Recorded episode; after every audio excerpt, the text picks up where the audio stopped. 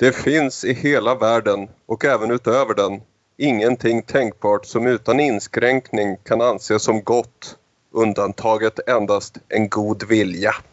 Cancer still running the world.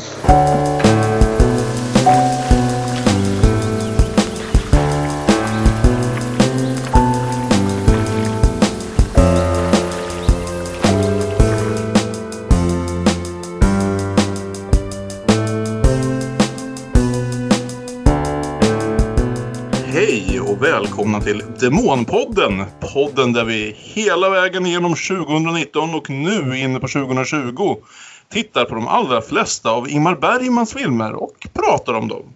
Jag heter Kalle Färm och med mig som alltid har jag Björn Waller Hej! och Aron Eriksson. Hej! Och den här veckan har vi också med oss Staffan Eriksson tillbaka från vårt avsnitt om Ur marionetternas liv. Hej! Kul att ha dig tillbaka Staffan! Kul att vara tillbaka, Kalle. Mm. Och vi är här idag för att prata om de två första avsnitten av Den goda viljan från 1991. Som ju faktiskt är den första filmen eh, vi har sett på och gjort ett helt avsnitt om sen vårt allra första avsnitt Hets. Som inte är regisserad av Ingmar Bergman.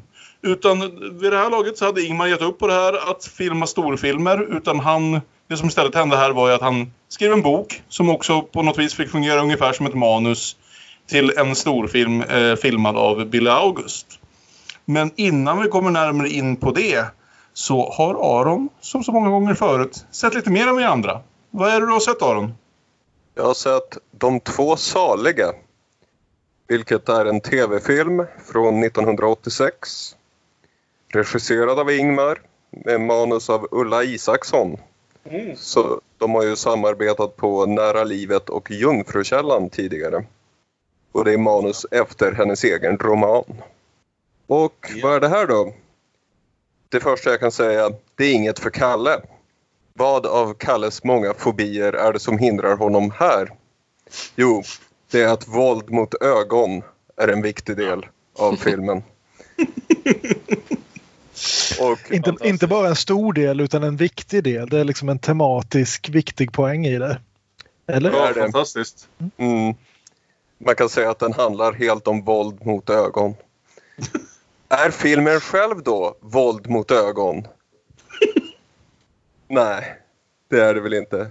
Även om det ju syns att Bergman har gått över till video och det är inte så vackert längre. Vilket ju är trist. Men det är i alla fall ett, ett kärleksdrama med Harriet Andersson och Per Myrberg i de två stora rollerna. Och det är en stark öppning. Harriet Andersson går in i domkyrkan i Uppsala. Det är mycket Uppsala just nu. Cellomusiken ljuder och eh, Myrberg är där. Han frågar, eller han går fram till henne och frågar Tror du verkligen på Gud?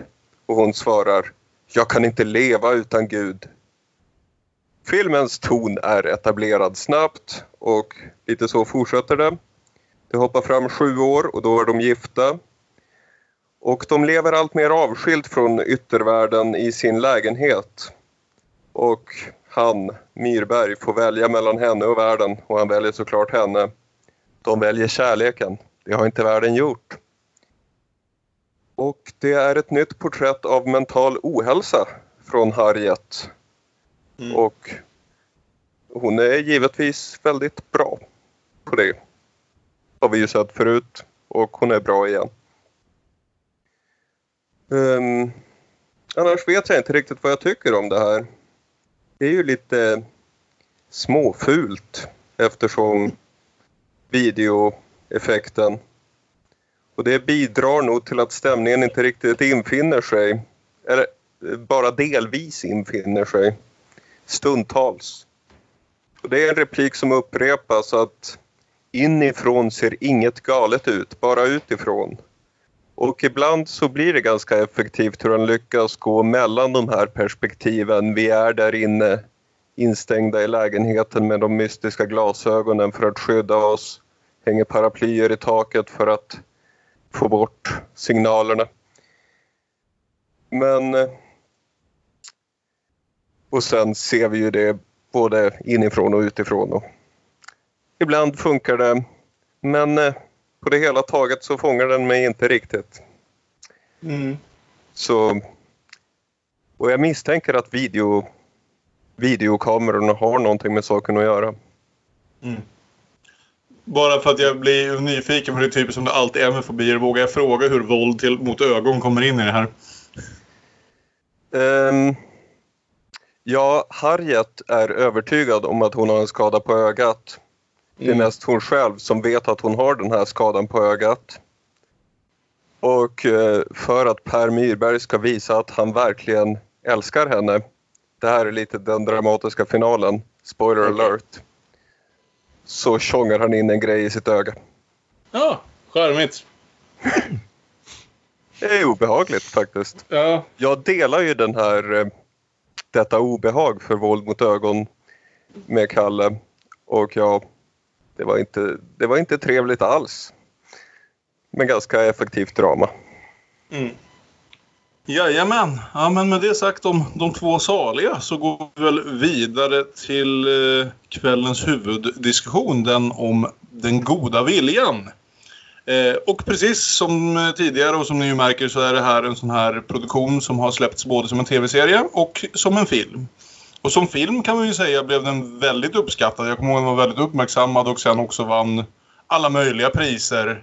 I Cannes fick den Guldpalmen. Eh, Bill Augusts andra Guldpalm på raken, vilket jag tror är något slags rekord. Alltså för två filmer han gjorde efter varandra fick han Guldpalmen eh, två gånger. Eh, första gången då med Pelle Erövraren fyra eller fem år tidigare. Eh, och Pernilla August fick skådespelarpriset, eller priset för bästa skådespelerska, eller vad det nu heter i Cannes.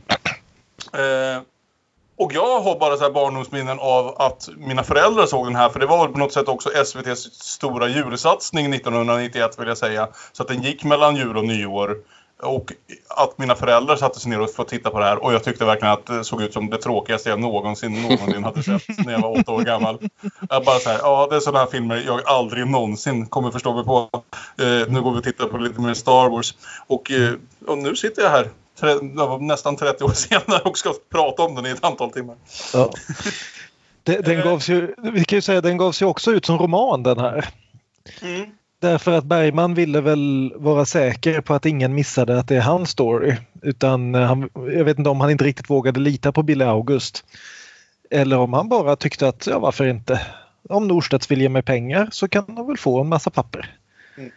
Och jag har läst den också och ska väl se ifall jag kan stoppa in några tankar om den allt eftersom avsnittet går. Men det, jag ska säga, folk som vill läsa den som roman kommer att bli besvikna. Mm.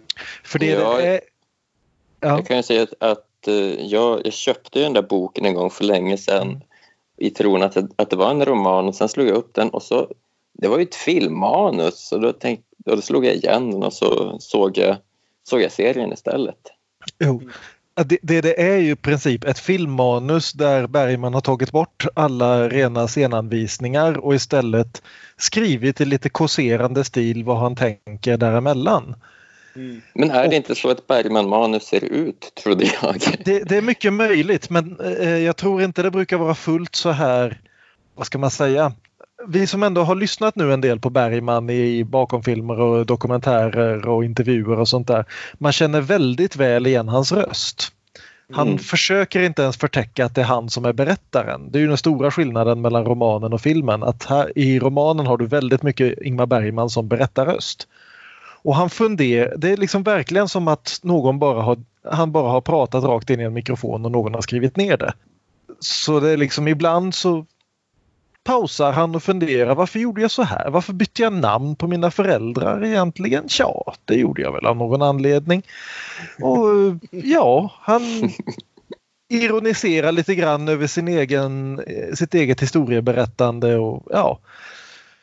Så, och däremellan så har vi då bara dialog uppskrivet rakt av.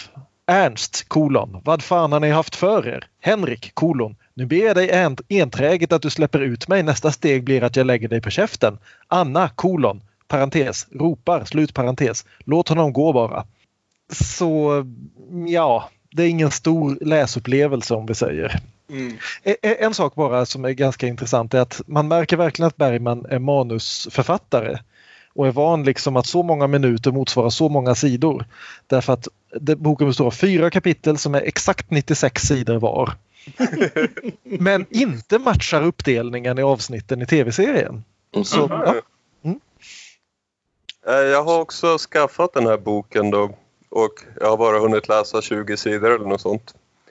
Så ja, det är ja, lite berikande.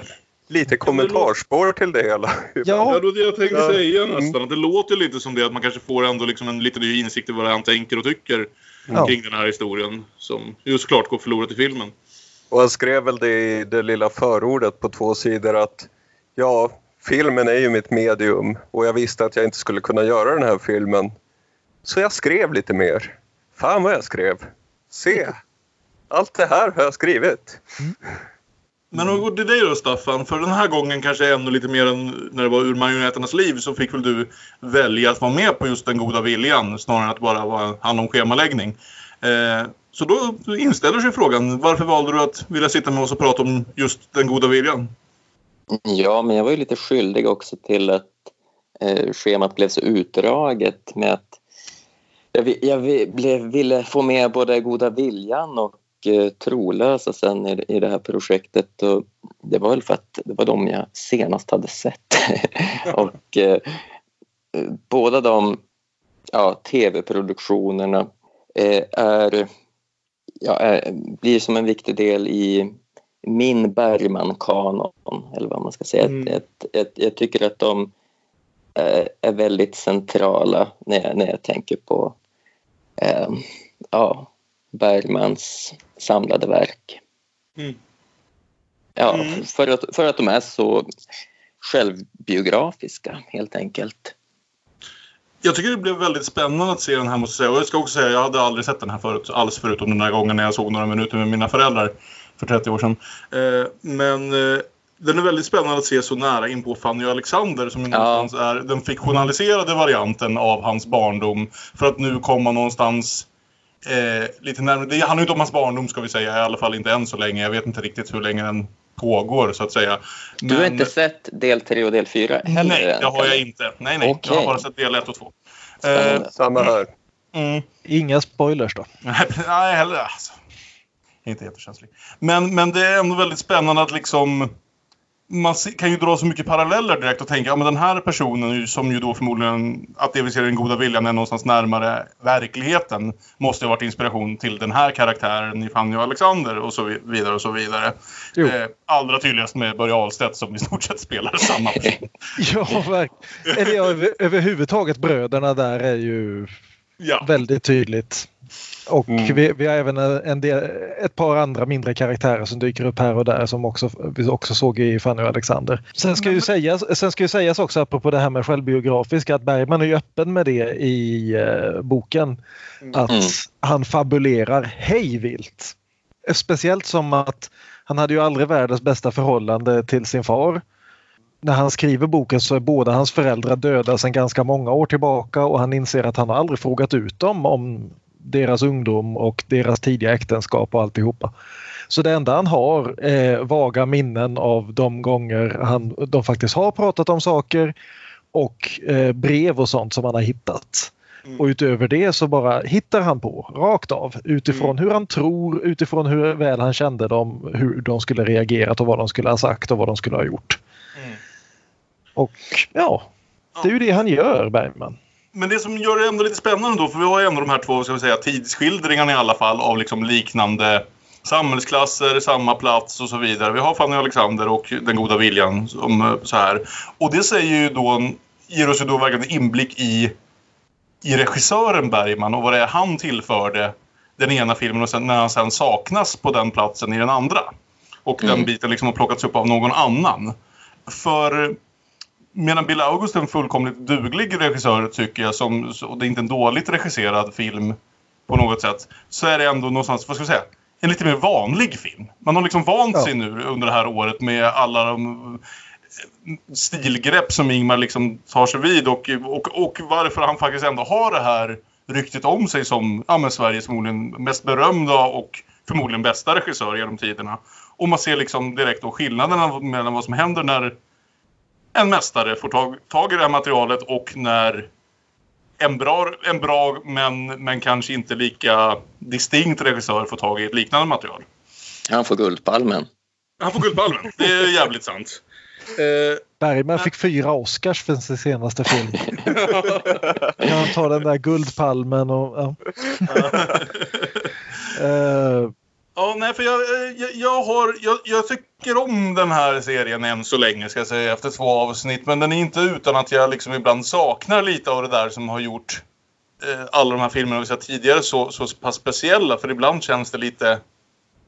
Lite, men lite, alltså lite standard på något sätt. Lite, det flyter på i, på ett bekvämt men ganska välbekant sätt för svensk 90-talsfilm. Kanske inte minst på grund av det här eviga jävla pianoplinkandet som St Stefan Nilsson håller på med. Som han gjorde i varenda film i, som gjordes i Sverige under 90-talet. jag skulle Ja. just säga det, detta förbannade pianoklink. Ja, alltså, Som aldrig slutar. Han har en melodi, han spelar den oupphörligen. Och en av läxorna som, som ju Ingmar lärde sig redan på 50-talet var ju att det här med, vad ska vi säga, nyskriven filmmusik är fan inget att ha i de flesta fall. Så det är lika bra att vi går tillbaka till de gamla mästarna istället och bara spela, kör Bach om och om igen. Eh, det, det kunde Bill August ha lärt sig något av. Om, om ni tyckte det var jobbigt så kan ni tänka er hur det är att se om, se om serien och hur mycket ännu mer framträdande pianomusiken blir då.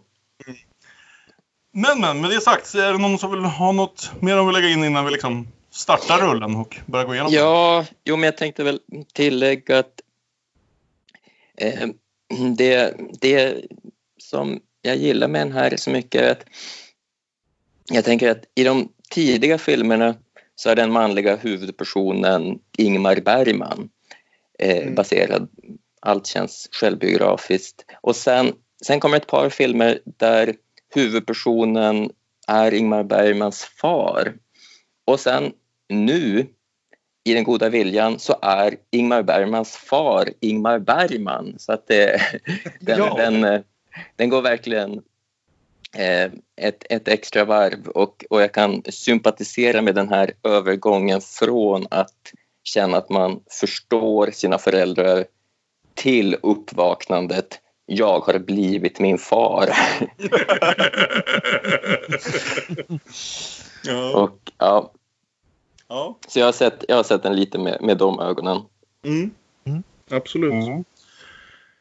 Men men, serien börjar och eh, vi möter direkt Henrik Bergman, spelad av Samuel Fröler, som är någonstans, vart han nu är, i en kontorsbyggnad i Uppsala för att träffa sin farfar, morfar, farfar. Farfar. Farfar. För att träffa sin farfar, eh, spelad av Kevin Hjelm. Och det här är en ganska, tycker jag i alla fall, stark första scen för en direkt säger oss... Det, det är en bra kombination av backstory utan att känna som att man bara får en massa liksom eh, uppberättat för sig. Man får direkt ganska mycket sagt om den här Henrik som kommer vara vår huvudperson rätt igenom.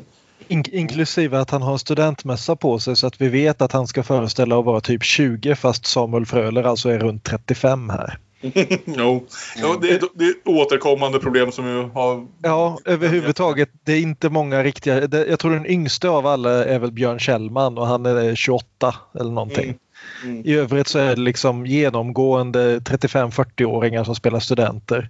Mm. Eh, de- Den enda som avviker från det är Gita Nörby som ska föreställa att vara 20-30 år yngre än Max von Sydow fast det skiljer fem år mellan dem.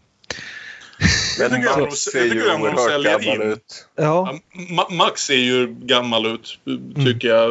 Så det tycker jag funkar. ja Max har ju alltid sett en 20-30 år äldre ut än vad han är. sant.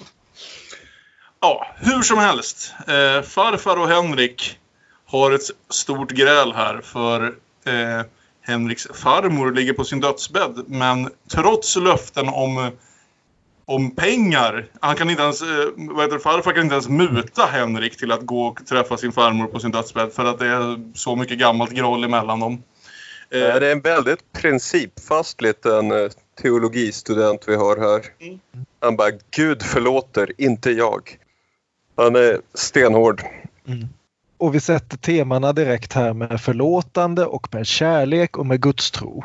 Mm. och någonting som den unge Henrik Bergman, eller Erik Bergman som han då hette i verkligheten, men Henrik heter han i filmen, verkar inte ha något större hum eller något större intresse av någon av de där tre. Nej. Nej, inte uppenbart. Men, men nej, jag, jag tycker den slår an hela, grej, hela filmen väldigt starkt här. Det är ett smart sätt att öppna den på något vis. Att vi direkt landar i liksom en sån här konfliktfylld position. Eh, utan att nästan ha presenterats för människorna, eller utan att alls ha presenterats för människorna innan. För jag blev faktiskt lite nyfiken på dels hur stor del den här konflikten skulle ha av liksom den huvudsakliga filmen. Visar sig inte jättemycket, men en, men en bra karaktärsbyggande scen för honom. Liksom. Mm. Och jag köper absolut Samuel Fröler som, som student. Han, han är ung och späd och kort och en helt annan leading man än, än vi tidigare sett. eh, En eh, Gunnar Björnstrand, Max von, en ung Max von Sydow och Erland Josefsson som, Mm. som deras tillkortakommanden kontrasterades alltid mot deras uppenbara karisma medan Henrik Bergmans tillkortakommanden är så uppenbara och att, och att när han ska stå upp mot sin farfar så, så ser man att det inte kommer naturligt att det är en sån kraftansträngning, en urladdning Mm. för honom. Mm.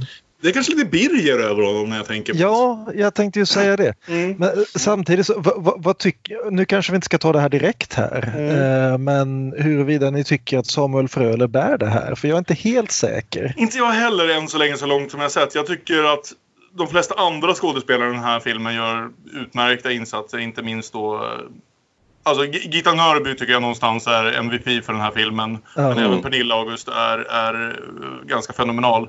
Men jag vet inte, jag går lite fram och tillbaka på Fröler från scen till scen i stort sett. Känner Mm. jag. Ja. Jag tycker nog Fröler gör en, eh, en duktig insats. Jo, en duktig insats, men Ja, när, när man ska bära halva filmen på sina späda axlar så tycker jag det krävs lite mer.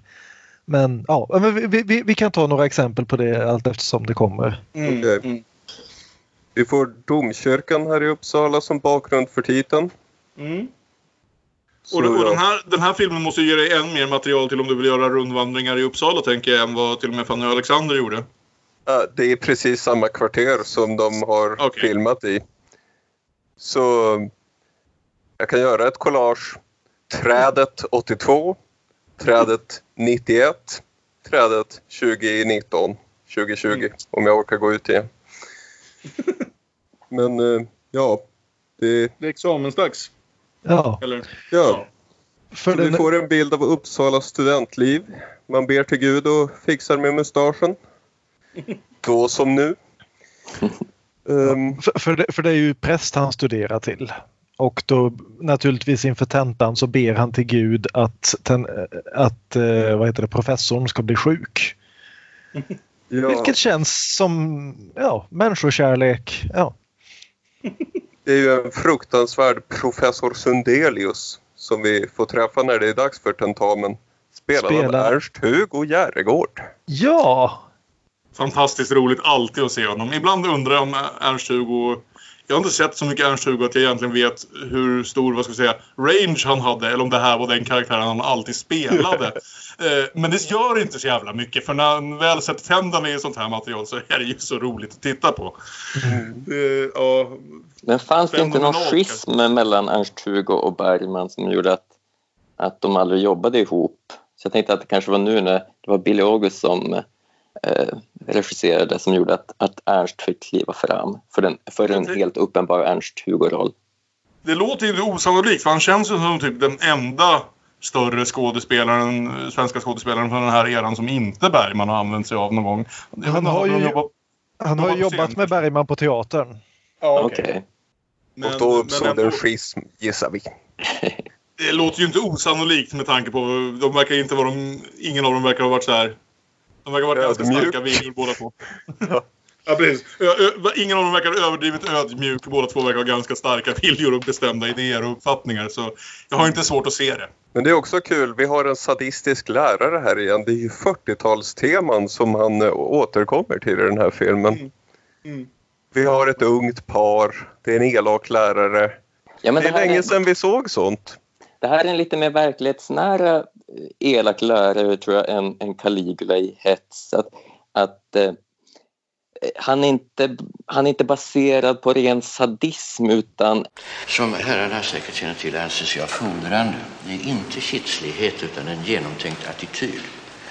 Vi dras med allt för många lata, dumma, obildade teologer.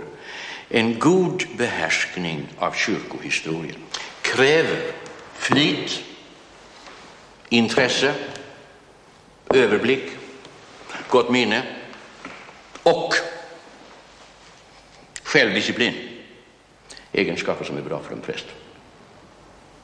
Jag håller upp ett raster, ser till att idioterna, lathundarna och svamlarna fastnar. Han kanske inte är så mycket en sadist som en, en äkta idealist. Mm. Exakt. Men, Vilket kan bli ungefär detsamma. Ibland går det på ett ut i praktiken men men eftersom titeln lånas från Kant så det är viktigt med en god vilja i grunden. Mm. Men när ni säger det, jag har inte riktigt tänkt på det, men det stämmer nog. Det här är ju lite som en väldigt, vad ska jag säga, uppförstorad variant på någon av Bergmans tidigare filmer. Det här är ju till glädje mallen egentligen för, för den berättelse vi ser någonstans unga människor och deras problem med vardagen och den tidiga kärleken och så vidare. Kanske därför känns det nästan lite ovant vid det här laget. För vi har kommit så långt bort från det i det Ingmar har gjort de senaste 25 mm. åren eller någonting, 35 åren. Ja, det är någonting jag har tänkt på under, under året att Bergman har verkligen följt sin egen ålder lite i vilka historier han berättar. Mm. När Ingmar var ung och arg så var hans karaktärer unga och arga när Ingmar var gammal och arg så var hans karaktärer gamla och arga.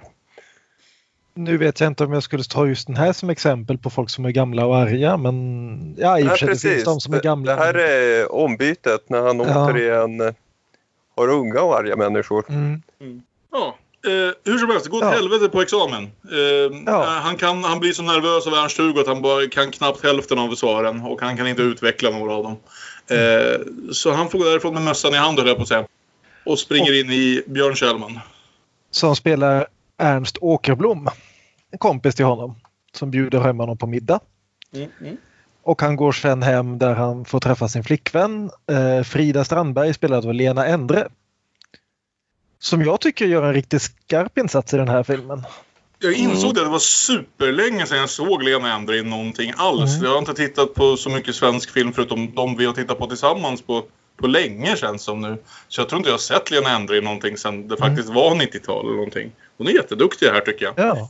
Och, och, vi får ju också ett karaktärsbit här när hon då kommer hem och hittar honom hopsjunken i lägenheten. Att han är så deprimerad så att han har glömt att pissa.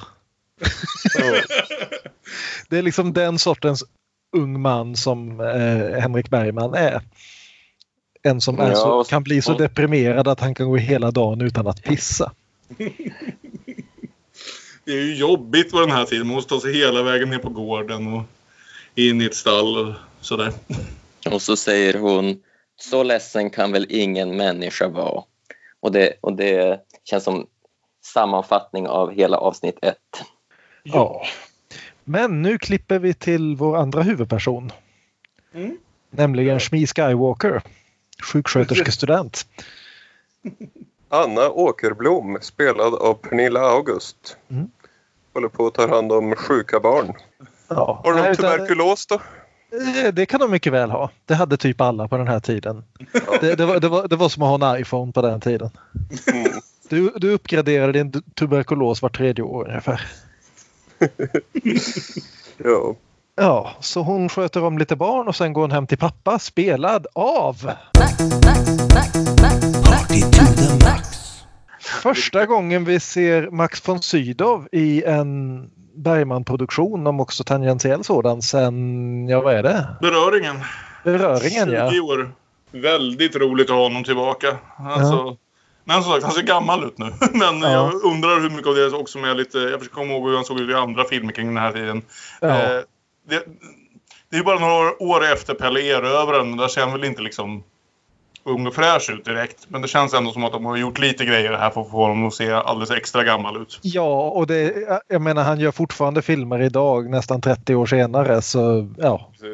I, i, idag så ser han ungefär så här gammal ut på riktigt. Men här är det ju väldigt mycket skådespeleri och smink också.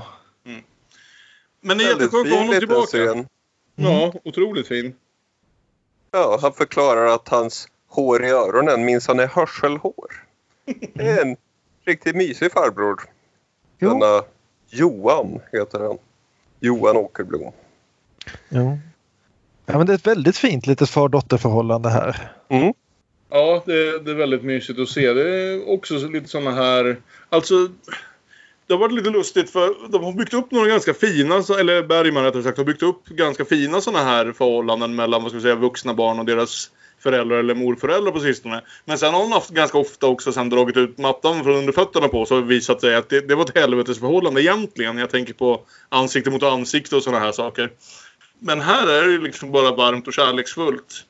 Och det, ja, jag vet inte, det är väldigt skönt. Han är väldigt, man får komma ihåg det, han är väldigt duktig på att skildra de här, vad ska vi säga, varma bitarna av de här förhållandena också. Man tänker ju så ofta bara på de, på de jobbiga bitarna när man tänker på Ingmar liksom samlad. Men det, det är... Eh, nej, men det är bara, det är bara mysigt.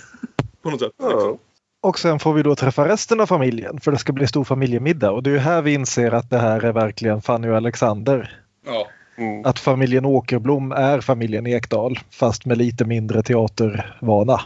ja, precis. Att vi har bröderna Gustav, Karl och Oskar och deras diverse fruar. Karl spelas, spelas igen av Börje Ahlstedt och verkar vara ungefär samma Karl. Eller i alla fall, i alla fall så långt som att han fortfarande är den lite försupne, lite mer, vad ska vi säga, han är inte riktigt lika um, strikt som resten av familjen på vad det gäller de här, vad ska vi säga, klassengagemangen. Men han verkar inte lik, riktigt lika olycklig den här gången i alla fall. Nej, Precis.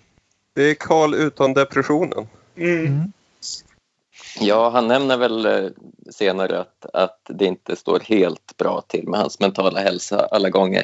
Men det är väldigt roligt, i Laterna Magica så är ju också, har ju också den här eh, morbrorn en, en ganska eh, stor, stor plats. Så han, han dyker som upp lite överallt. Och, Mm. ja, man kan tänka sig att Börje Ahlstedt spelar honom i boken också. Ja. För vi ska säga det att vår film om tre, fyra veckor larmar och gör sig till handlar ju helt om morbror Karl. Och vilken morbror Karl är det då? Ja, det är svårt att veta kan jag säga. Men det är någon till amalgam om det här. Det är i alla fall en morbror Karl spelad av Börje Ahlstedt. Ja. Och vi får ju då som sagt också träffa eh, eh, mamman i familjen spelad av Gitta Nörby. Det, det är ju intressant familjeupplägg det här. För Mm. som alla som kan sina skådespelardatum vet så är ju Börje Ahlstedt något äldre än eh, både Björn Kjellman och Pernilla August. Och det är ju helt enkelt det att Johan Åkerblom har varit gift en gång, hade tre söner. Sen dog hans fru och han väntade ett antal år innan han gifte sig om med en mycket, mycket yngre kvinna och fick två barn till. Mm. Och det är alltså de här två barn, de två yngre barnen som är eh, Henrik Bergmans kompis respektive tilltänkta och eh, de tre äldre halvbröderna är ja, de här tre eh, galna typerna som vi känner från eh, Fanny och Alexander. Och också ungefär, skulle jag säga, jämngamla med sin styvmamma då med andra ord. Ja, precis. Eh, och som sagt, jag nämnde det lite redan i öppningsdiskussionen. Men Gita Nörby är ju någonstans ändå den här filmens liksom S i rockärmen. Hon är så förbannat bra. Hon kommer in och tar direkt, tycker jag, dominerar lite den här filmen och kommer fortsätta göra det. Mormor i Fanny och Alexander dominerade ju den. Och Mm. det är väl, ja, det är hon som motsvarar. S- Samtidigt så tycker jag det är intressant att om, eh, om det här är det snällaste porträttet av Ingmar Bergmans far som vi har sett hittills, och han har ju dykt upp lätt förklädd i ett antal filmer, Mm. så är det ju intressant att han här skriver om sin mormor från den här väldigt vänliga matriarken hon var i Fanny och Alexander, om en principfast och beslutsam men Mm. en rakt igenom ändå god människa till en betydligt gråare karaktär här. Mm. Mm. Ja, men det är lite spännande. Hur som helst så kommer ju Henrik förbi och ska äta middag och direkt så börjar han och Anna flörta lite grann med varandra. Mm. Ja. Hon hjälper dem. Det är Titanic-scenen. Han vet inte riktigt Ja. hur han ska bete sig och Mm. sådär. Och hon liksom pekar lite åt honom, vilka, inte riktigt vilka gafflar som ska användas och sådär. Men Eh, han är- håller på att liksom slapsticka runt lite med servetten. Vart han ska ha den. Ska den vara i knät? Ska den vara runt halsen? Och sådana där saker. Och hon Mm. fnissar lite gulligt och försöker hjälpa honom på traven. Och sådär. Ja. Det är väldigt charmigt. Och ty tycker väl det är jättegulligt hur bortkommen han är. Vem kan inte äta en kronärtskocka? Ja. Eh, och ja, Men- och sen familjen så- Åkerblom är ju väldigt välmående och välbärgad. Har sin egen lilla familjeorkester som någon tar fiolerna, spelar sina klassiska stycken. Mm. Så som andra sjunger Helan går. Ja. Och ja, på vägen hem sen så får han följeslag av morbror Karl som bjuder ut honom på en punsch och cigarr. Och vill prata lite med, med och se vad det här är för ny pojk som dykt upp i sällskapet. För att eh, det går väl ingen förbi riktigt att de sitter och småflörtar med varandra hela den här middagen. Alltså eh, Henrik och Anna. Och deras servitris då är ju hans faktiska flickvän Frida och det går väl inte Karl helt och hållet förbi. Nej, även om han försöker dölja det lite tafatt. Och man märker här direkt att det, det, är, ju, det är ju verkligen lite... Man, visst, man kan se det som att det, har varit ett, vad ska vi säga, litet så här tills vidare förhållande. Han har inte verkat jätteengagerad i den enda scen- scenen vi har sett och sådär. Men eh, det, man blir ju också lite fundersam på hur beräknande är denne Henrik Bergman. Handlar inte bara om känslor, även om filmen senare verkar hävda det. Hur mycket handlar det om att det också är en chans att för en, för en fattig person att komma, komma sig upp ett par klassnäpp här. Mm. För han lever, har vi ju redan lärt oss från första scenen, lever enormt fattigt och har gjort så hela sitt liv. Eh, och nu helt plötsligt börjar han få chansen att flörta lite med en, med en kvinna som har gott om pengar i familjen. Mm. Det Jag tycker vet han nog jag både är lockande och avskräckande tror jag. Precis. För jag menar, det lilla vi ser av Lena Endres karaktär så... eh, Hon spelas ju inte som någon... Det finns ju så många varianter av det här där hon skulle spela som någon slags jobbig person som man skulle vilja pa- passa på att komma iväg ifrån liksom. Men så är det verkligen inte alls. Hon verkar vara enormt varm och vänlig och stöttande i, Mm. i det här förhållandet. Mm. Ja.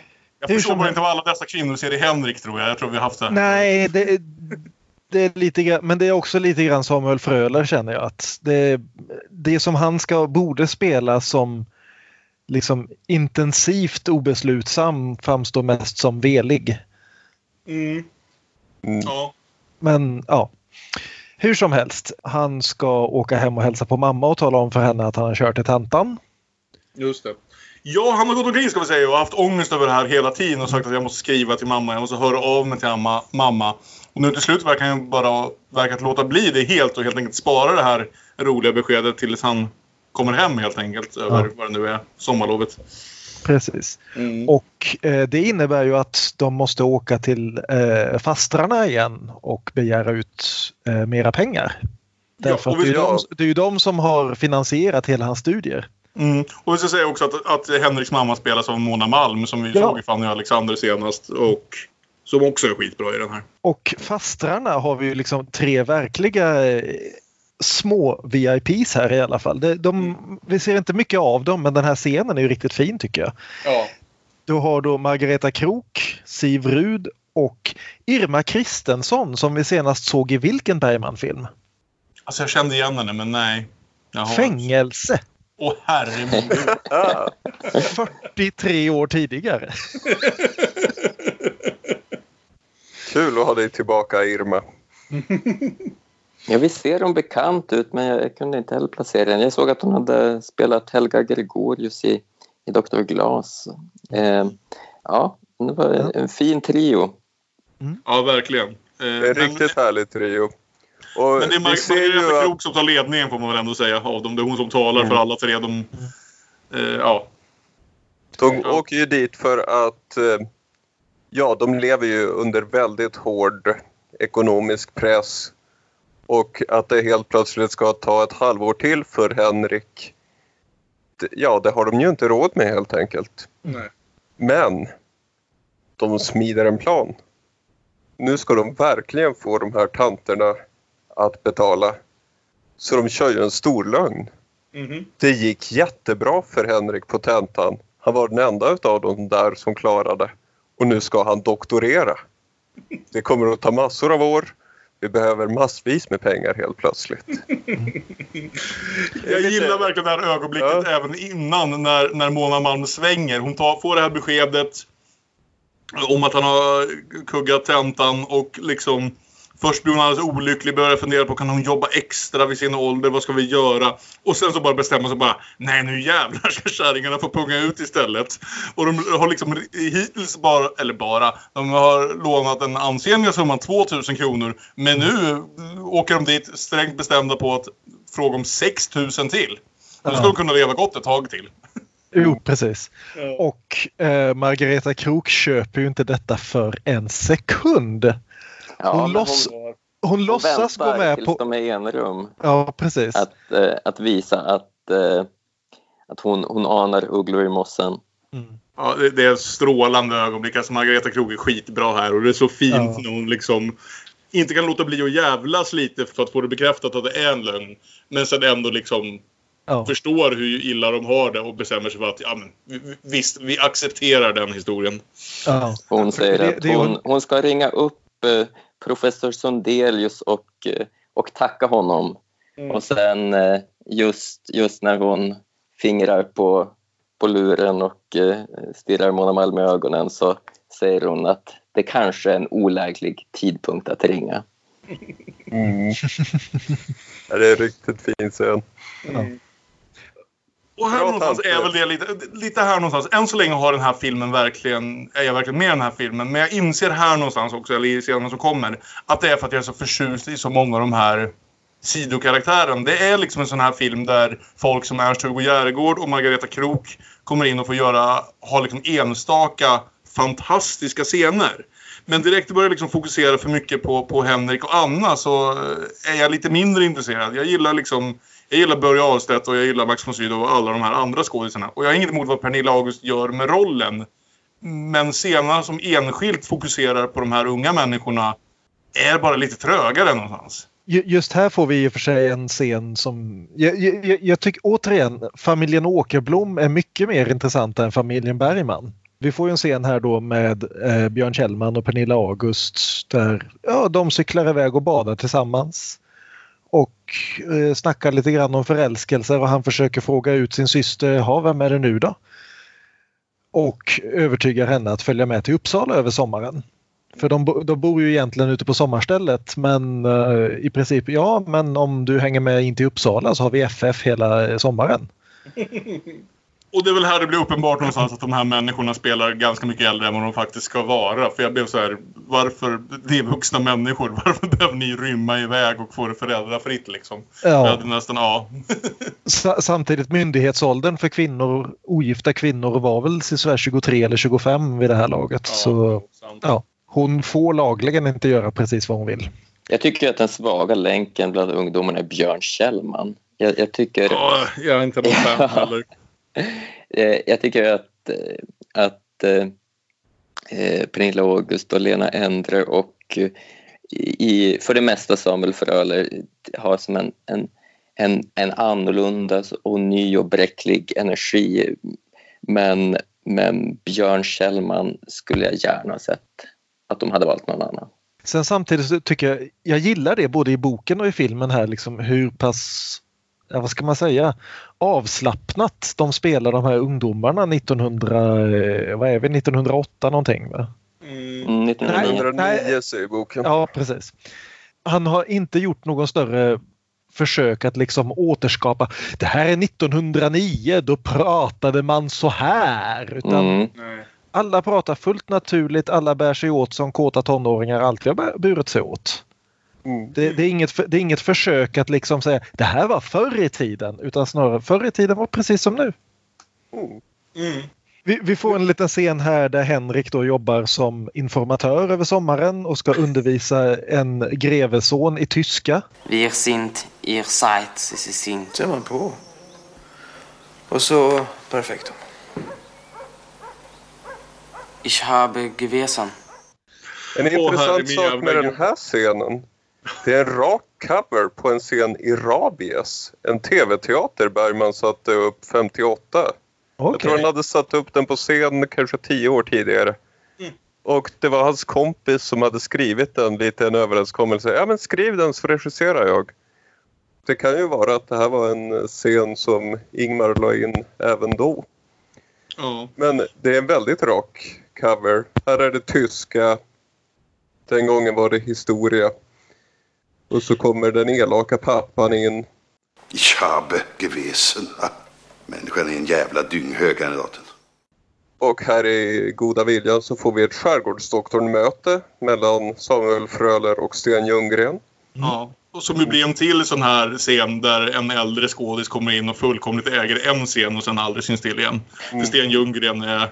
Alltså så här är det Det är ju den eh, typ simplaste varianten av eh, elaka föräldrar får klantiga barn typ man någonsin har sett. Att ens uppväxt påverkar hur man beter sig och så vidare. För den här grevesonen är ju fruktansvärd märker vi ganska snabbt.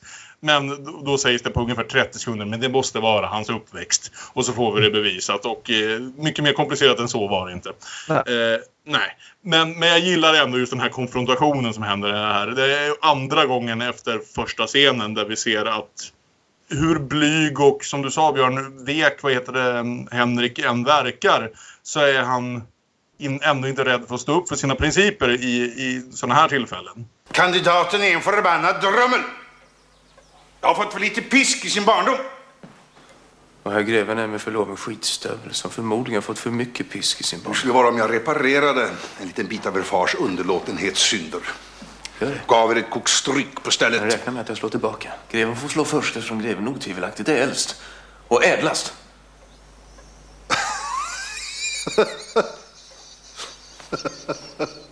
Han var med fan till prästlärling.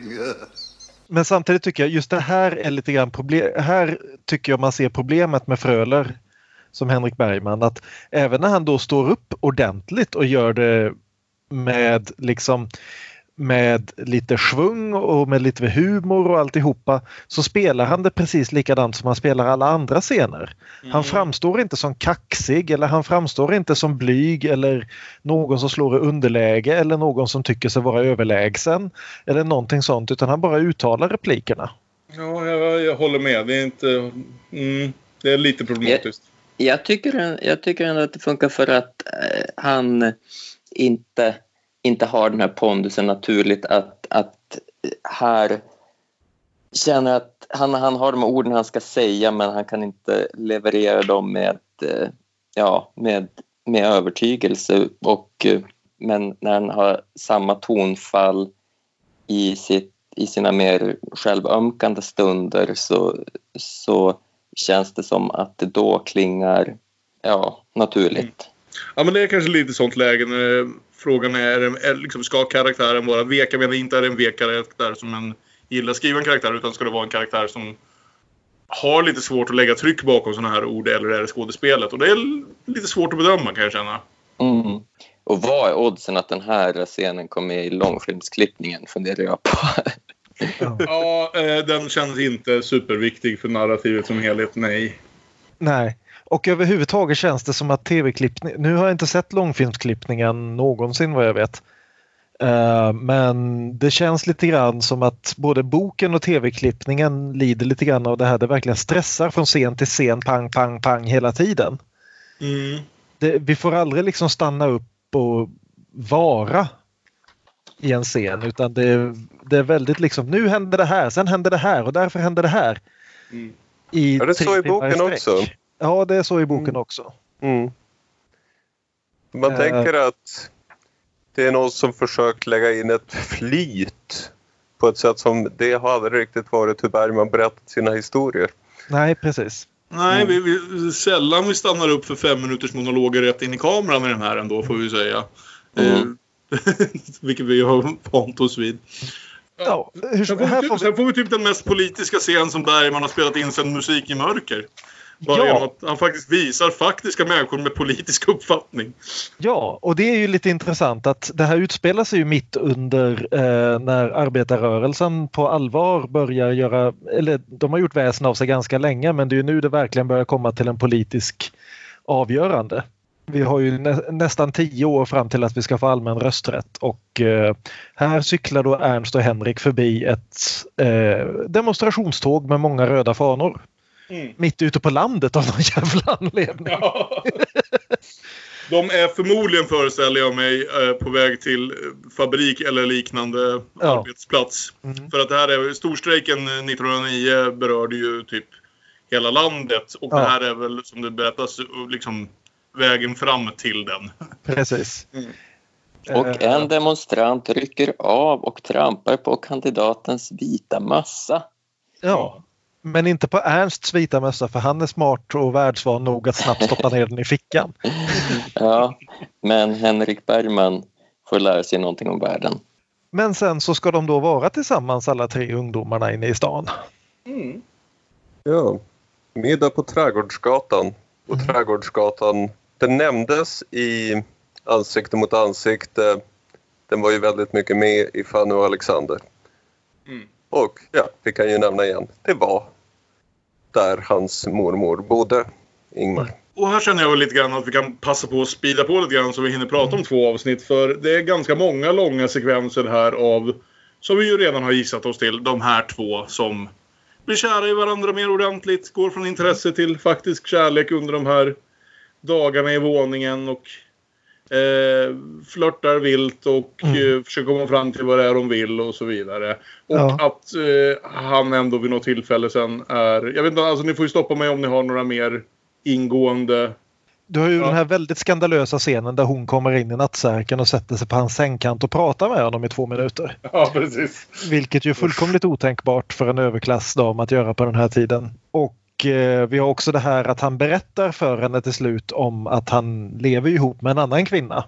Mm. Och att han ska berätta för henne. Men sen så gör han inte faktiskt det. Nej. För Han återigen, är ju han, fruktansvärt då. Det här är ju ett eh, intressant karaktärsdrag dock. Att han är Mm. fruktansvärt dålig på att meddela dåliga nyheter till folk. Han Mm. vill inte ha liksom, dramatiska konfrontationer och behöva bli ansvarig för någon annans olycka på det sättet. Han kan inte berätta för sin mamma i första halvan av, avsnittet att han, att han har kuggat. Och han kan inte berätta för, för Lena Endre att det är dags att göra slut. Liksom, även fast han helt klart är betydligt kärare än någon annan. Eh, han- fixar inte riktigt det här att ge svåra beslut. Och då tänker man ju också att är präst liksom rätt, ja, rätt yrkesval för dig? och det är yt- ytterligare ett tecken på att eh, prästen i Nattvardsgästerna kanske är väldigt hårt baserad på Bergman senior. Det tänkte jag också på. Det är verkligen eh, gick att gå, dra Ja. de parallellerna till att den här Henrik Bergman som, man ser, som vi ser här ganska lätt skulle kunna vara Gunnar Björnstrand om Ja. 20-30 år. Nej, han, han, han skulle inte säga till Frida att han hade förälskat sig. Han skulle säga att han Ja. hade gjort ett snedsteg och han skulle be om Fridas förlåtelse. Mm. Och sen kommer han hem och säger ingenting och det känns som att Ja. det här som ens tålamod för lille Henrik börjar, börjar ta slut som Mm. tittare. Henrik förtjänar inte riktigt de här kvinnorna. Nej, verkligen. Och återigen, det är fint att ha Frida där som någon slags motpunkt som lever sinnligt och kroppsligt på ett annat sätt. Mm. I trollflöjten-termer så är hon Papageno. Ja. Vi får i alla fall en väldigt bra scen också mellan Pernilla August och Gita Nörby där då hennes mamma skäller ut henne för att du har skandaliserat oss. Grannfrun hörde att du var inne i pojkens sovrum om natten. Och eh, Anna då svarar att skandaliserat, och sk- det är ju det är ju jag som är förförd. Han har inte förfört mig, jag har förfört honom och om du inte passar det så förför jag honom på riktigt så då måste jag gifta mig med honom. Och då går mamma till slut med på att nu ska pojken faktiskt presenteras för, för familjen på riktigt i det här Mm. säga, sammanhanget som en möjlig fästman till, deras, Ja. eh, till dottern. Ja, vi kan ju också passa på att nämna det innan hon försvinner ur filmen men att eh, efter att vi är klara med Goda Viljan kommer vi gå vidare och se Söndagsbarn och där är det istället Lena Endre som spelar Ingmars mamma. Så, ja. Men hur som helst, vi får lite mera pianoklink och så kommer då Henrik hem och ska bli utfrågad av pappa Åkerblom. Som inte lyckas speciellt bra med det för han vill bara prata om Lok och sen när de börjar prata om eh, Henrik så vill han bara prata om Gud och sen så blir han så deprimerad av att bara prata om livet efter detta så att han behöver gå och lägga sig. Ja, det var väl snarare så att han, att han försökte antyda att en nyexaminerad präst kanske inte Ja. har det så fett till att börja med. Nej, precis. Var- Det, varpå det Henrik, också. Mm. varpå Henrik direkt säger att prästfrun har en viktig plats i församlingsarbetet. Mm. Eh, och då blir eh, Johan plötsligt väldigt trött. Ja, det är som att han inte har förstått det här att det faktum att hans eh, yngsta, mest älskade dotter ska skaffa sig en fästman kanske innebär att de kommer flytta iväg någonstans. Förrän i det här ögonblicket. Men, men, men också att han som gammal man med en väldigt bestämd fru gärna läm, lämpar över de här svåra besluten på henne. Men det är hur- kul att Max är en trainspotter. Ja. Vi, vi, i, I boken får vi veta lite mer om Max eh, backstory här. Att han har alltså jobbat som inom järnvägen i princip sedan de första järnvägarna drogs i Sverige. Är det så? På 1850 Jag vet ju att den eh, 60-talet. väldigt unge Ingmar var väldigt besatt av tåg och hade någon tågmänniska i släkten. Det Det hade kan man se i filmen Eva. Sen är det dags för familjefoto och Henrik är placerad en meter ifrån de andra. Så att Så han ska vara lätt att klippa roligt. bort. Vi kan, ju, vi kan ju inte be pojken att inte vara med på kortet, för det vore oartigt. Men vi ställer honom här i kanten så han är väldigt lätt bort, bortklippt ifall det inte blir något av det här. Ja, precis. Och sen är det mer familjemys och eh, modern läser Jerusalem högt för, för alla. Mm. Som ju skulle bli Bill August, inte nästa film tror jag, men filmen efter det. Och sen så ska ungdomarna iväg på en utflykt. Camping! Och det är mamma inte helt glad över och det talar hon om för dem men hon säger också att hon inte tänker faktiskt försöka hindra dem. Men bara så de vet att jag är väldigt besviken på er. Speciellt om någonting skulle hända. Wink wink.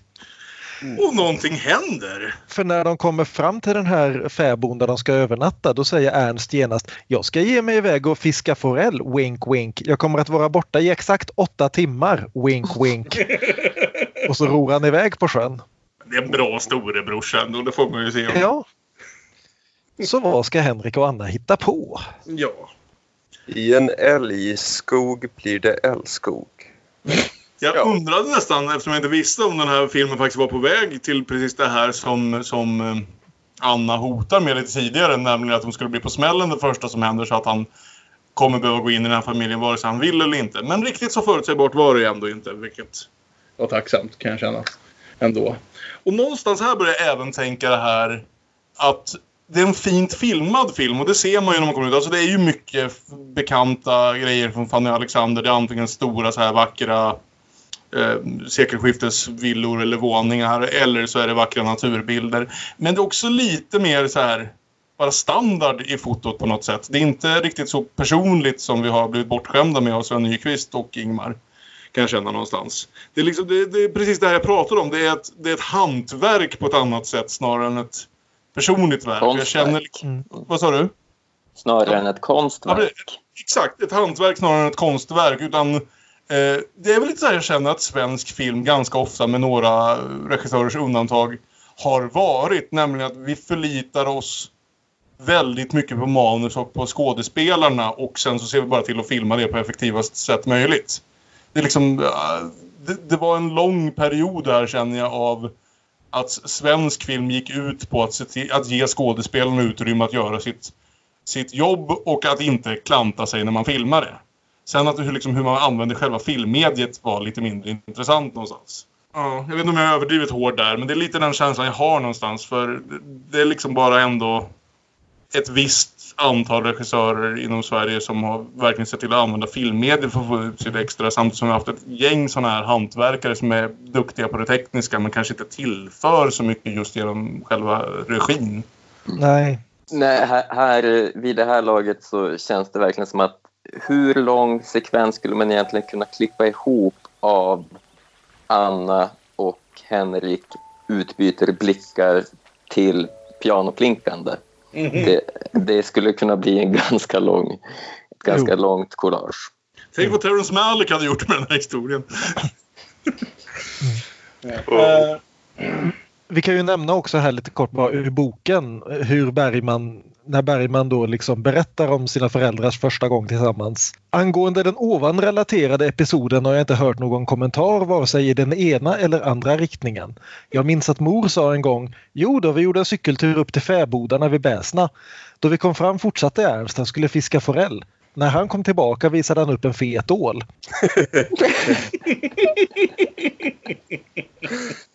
Dr Freud till receptionen. Ja. Olofs snoppstund, Olofs snoppstund. Hur som helst så kommer de tillbaka till sommarstället. Eh, resten av familjen åker iväg på en dagsutflykt och Henrik och eh, mamma Karin är ensamma i huset. Mm, och det är ju nu här man märker att Gitta Nörby får riktig chans att skina. Alltså Mm. för den den här scenen tycker jag är en av de starkaste och det han- handlar hem, främst om henne men här tycker jag även att, att Fröler klarar sig ganska bra måste jag säga. Han spelar den här Ja. säga, blandade förvirringen och eh, liksom uppgivenheten någonstans inför de här inför att, inför att bli ställd till svars för vad det fan det är han håller på med. Jag, jag, jag, köper honom, jag köper honom nog inte när han ska liksom stå upp emot saker eller vara stark eller vad man ska säga. Men där han måste backa undan som ett skadat djur och inse sina egna brister, det, det säljer han. Min antipati har helt och hållet med Anna att göra. Jag känner min flicka ganska väl, inbillar jag mig. Och jag anser att hennes bindning till kandidat Bergman kommer att leda till en katastrof. Ja, det är ett starkt ord, jag vet, det kan förefalla överdrivet. Lika fullt måste jag använda ordet katastrof. Jag kan inte tänka mig en mer omöjlig och ödesdiger kombination än vår Anna och er. Anna behöver en mogen man som kan fostra henne med kärlek och fasthet. Bergman är ung och oerfaren med djupa och tidiga sår utan läkedom eller tröst. Det, ja det är ganska... känner jag också att, att alltså, visst, hon är mer bestämd, hon har lite mer bestämda uppfattningar än den här eh, farmor i Fanny och Alexander. Men hon, det blir så väldigt tydligt vad hennes motivationer är här, Gita Nörby. Att, eh, jag ser henne aldrig som någon liksom, hemsk människa som är ute för att förstöra deras lycka någonting. Utan hon kämpar väldigt hårt för sin dotters lycka, möjligen Ja. för hårt. Eh, men, men jag sympatiserar någonstans med henne, även om hon och hennes make Max har väldigt olika liksom, synsätt på de här sakerna. Ja.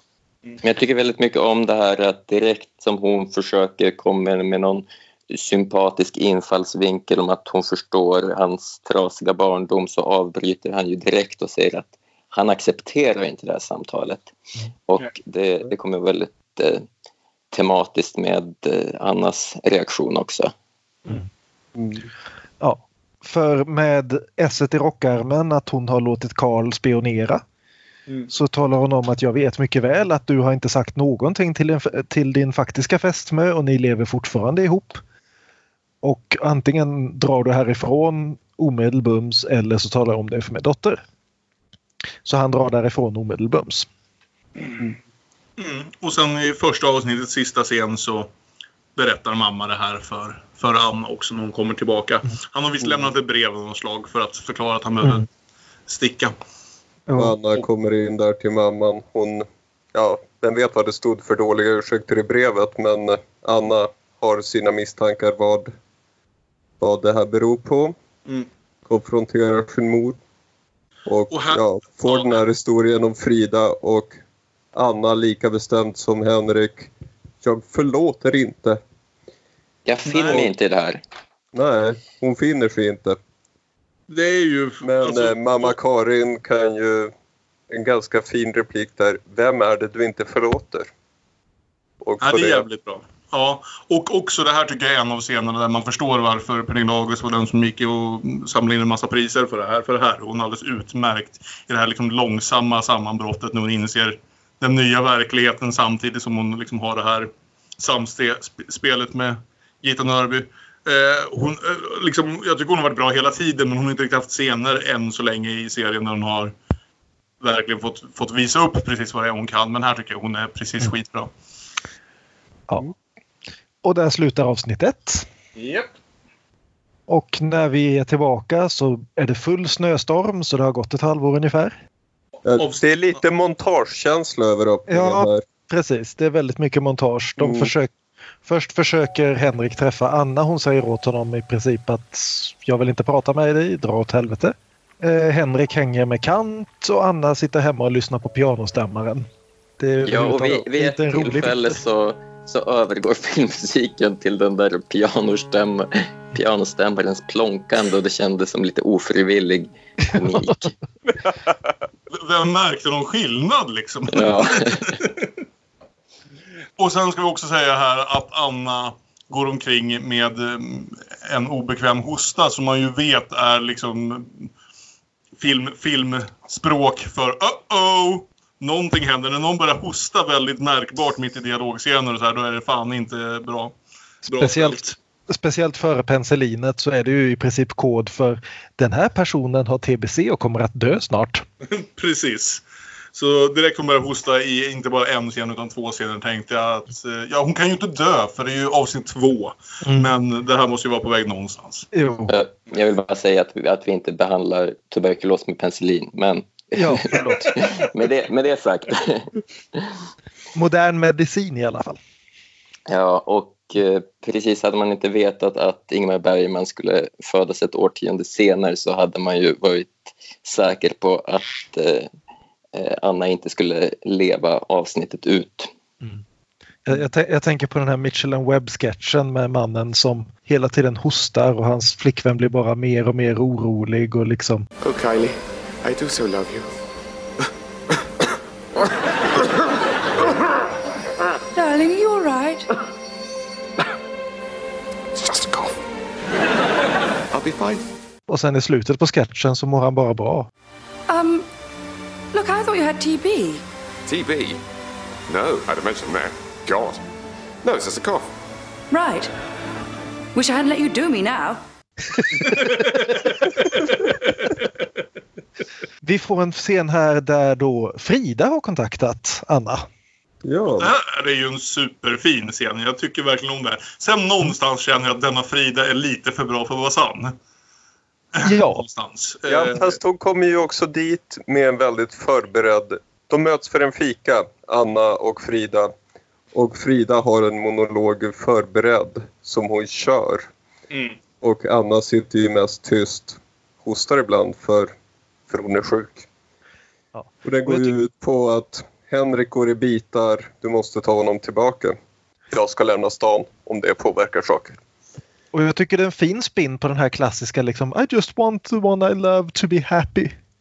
Att det är inte nödvändigtvis det att hon tror liksom att ja men den jag älskar kan bara bli lycklig med en annan så jag kommer att ta mitt brustna hjärta och låta honom gå fri utan det är liksom hon är ganska tydlig. Det här förtjänar inte jag. Mm, precis, för det är så roligt. Det är lite kul nästan i när man har sett eh, Samuel Fröler hur han presenterar dem. Att hon typ i samma andemening lyckas, lyckas beskriva honom som typ han är så jävla jobbig just nu. Han bara ligger där, han gör ingenting, han vill bara dö eh, hela tiden. Han är den finaste människa jag vet. Ja. Och, och hon passar också på att eh, uppmana Anna att för guds skull tala inte om för honom att vi har pratats vid. För då kommer han aldrig att komma förbi det. Nej, för det är ju väldigt det är intressant att det här är ju det vi verkligen har lärt oss om, om Henrik Bergman. Eh, att känner han sig förorättad tänker han inte förlåta sådana här saker. Det här återkommer ju. Att, Ja. Dels att han, inte, att han fungerar så och dels att det är så välkänt för människorna i hans omgivning att de verkligen går omvägar med vad de ska berätta och inte berätta för honom så att de inte eh, skapar en sån här situation. Ja. Där han känner sig liksom förorättad på något sånt sätt att han på ren jävla princip kan sabotera sin egen lycka. Och det kommer ju att återkomma framöver kan vi säga. Men han är inget om inte enkelspår i den kära Henrik Bergman. Hur som helst så Anna åker ju hem och ska packa för att åka tillbaka till sjuksköterskeskolan. Sjuksköterskeskolan. Och hon hostar hela tiden, försöker skriva ett brev till Henrik. Gör sitt upp. bästa att smitta Ja. Max. Ja. Kramar om pappa väldigt hårt och frågar kan inte du ta hand om mig? Jag, måste, jag klarar inte av att ta ansvar för mig själv. Lite spoilers för några scener framåt här nu, men ni tror inte att hon dödar sin pappa i den här scenen? Ja. Man kan ju inte hosta ner sin gamle far på det sättet. Nej. Och Det, det, jag tycker det är en bra scen det här. Både Pernilla och Max spelar den riktigt bra. Max är ju, alltså det, så fort Max eller Gita Nörby dyker upp i den här filmen så är jag Ja. ganska säker på att det kommer bli en bra scen. Det är ungefär Ja. så det funkar här. Ja. Eh, för alltså de har ju en fantastisk eh, far och dotterkemi här, Max och Pernilla August och alla deras scener är, tycker jag, är fantastiskt varma och kärleksfulla och sådär. Ja. Och vi får ju även ytterligare en Fanny och Alexander-nick här. Därför att doktorn som ska komma och hälsa på en är ju doktor Fürstenberg. Just det. Som vi minns som den som rattade Oscars dödsbädd i Fanny och Alexander. Mhm. Hur som helst så nästa scen så kommer då eh, just, det är väl, eh, vilken bror är det? Jag tror det är Oscar va? Oscar, ja. Spelad av Björn Granat. Mm. Han knackar på hos Henrik och, och säger att nu ska Anna till sanatoriet i Schweiz och eh, nu är det dags för, för Henrik att eh, ge upp, sluta upp sina försök att ta kontakt med henne. Tror vi att den enkelspåriga Henrik kommer att lida det? Ja, det är det han gör. det är ju det han alltså, gör. utifrån det här, jo men det tror Ja, jag, alltså, inte i det långa loppet men jo precis här tycker jag nog att det verkar som att han kommer det. Mm. Jag För- tror för inte att om- han... Jag tror hans, finns- hans självförtroende är så jävla knäckt redan. Han har ju redan gett upp. Alltså han har försökt prata med henne en gång eller två för att Mm. för, förklara saker och sådär. Men, men eh, jag tycker nog att han tar det här på högsta allvar och försöker gå vidare med sitt liv. Så Ja. Ja, han gör ju inga fler eh, försök att kontakta Anna innan Anna kontaktar honom senare. Han har ju sagt det ett par gånger redan i filmen också att han är, han är väldigt defaitistisk i allting. Han är övertygad om att om han har något så kommer det att tas ifrån honom. Mm. Det är, det, det är den enda konstanten han vet att har han något så förlorar han det. Och nu är det liksom verkligen, jaha. Så han bara drar sig tillbaka in i sitt skal igen. Och nu kommer ett ganska smetigt montage men som jag gillar väldigt mycket för nu, nu kommer det som en varm orgelmusik och man klipper fram och tillbaka mellan Anna i sanatoriet i Alperna och Henriks prästvigning och hans första predikan för en gles församling och hur han hör, hör storspovar ute på landet. Ja, Ja. Och jag gillar bara att de faktiskt uppenbarligen, för det blir ju några fler scener sen, men har, de verkar i alla fall ha skeppat iväg hela produktionen ner, till, ner i Europa för att filma de här scenerna. Så man får verkligen en annan känsla av en annan miljö även om det bara är ett få- par få korta scener. Här, va? Jo då. Är det i Davos de är? För allt jag vet om tuberkulos har jag lärt mig från Thomas Manns Bergtagen. Man åker till Davos. Det är inte omöjligt. Ja, det var ju kul att Henrik fick prästvigas i alla fall. Mm. Någonting lyckades han med. Tyvärr fick vi ju inte se Ernst-Hugo igen. Men, ja. Nej, det satt jag dels och väntade lite på. Dels är det också lite det här...